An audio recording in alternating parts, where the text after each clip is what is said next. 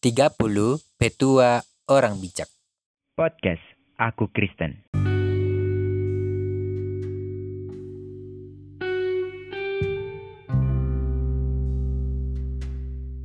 Jangan mengintai kediaman orang benar seperti orang fasik. Jangan merusak rumahnya. Sebab tujuh kali orang benar jatuh, namun ia bangun kembali. Tetapi orang fasik akan roboh dalam bencana.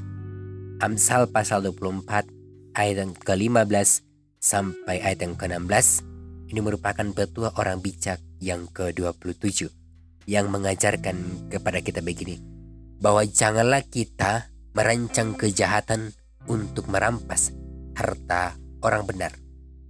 Karena sekalipun orang benar itu mendapatkan masalah, sekalipun orang benar itu kita curi hartanya, mereka tetap bangkit karena Allah beserta dengan mereka. Beda kalau orang jahat, kalau kita merancangkan kejahatan, maka ketika kita dapat musibah, maka kita akan roboh dalam bencana itu. Kita akan kena malapetaka kita sendiri. Orang baik selalu dilindungi oleh Tuhan. Sekalipun ia jatuh tujuh kali, dia tetap bisa bangkit. Karena Tuhan beserta dengan mereka.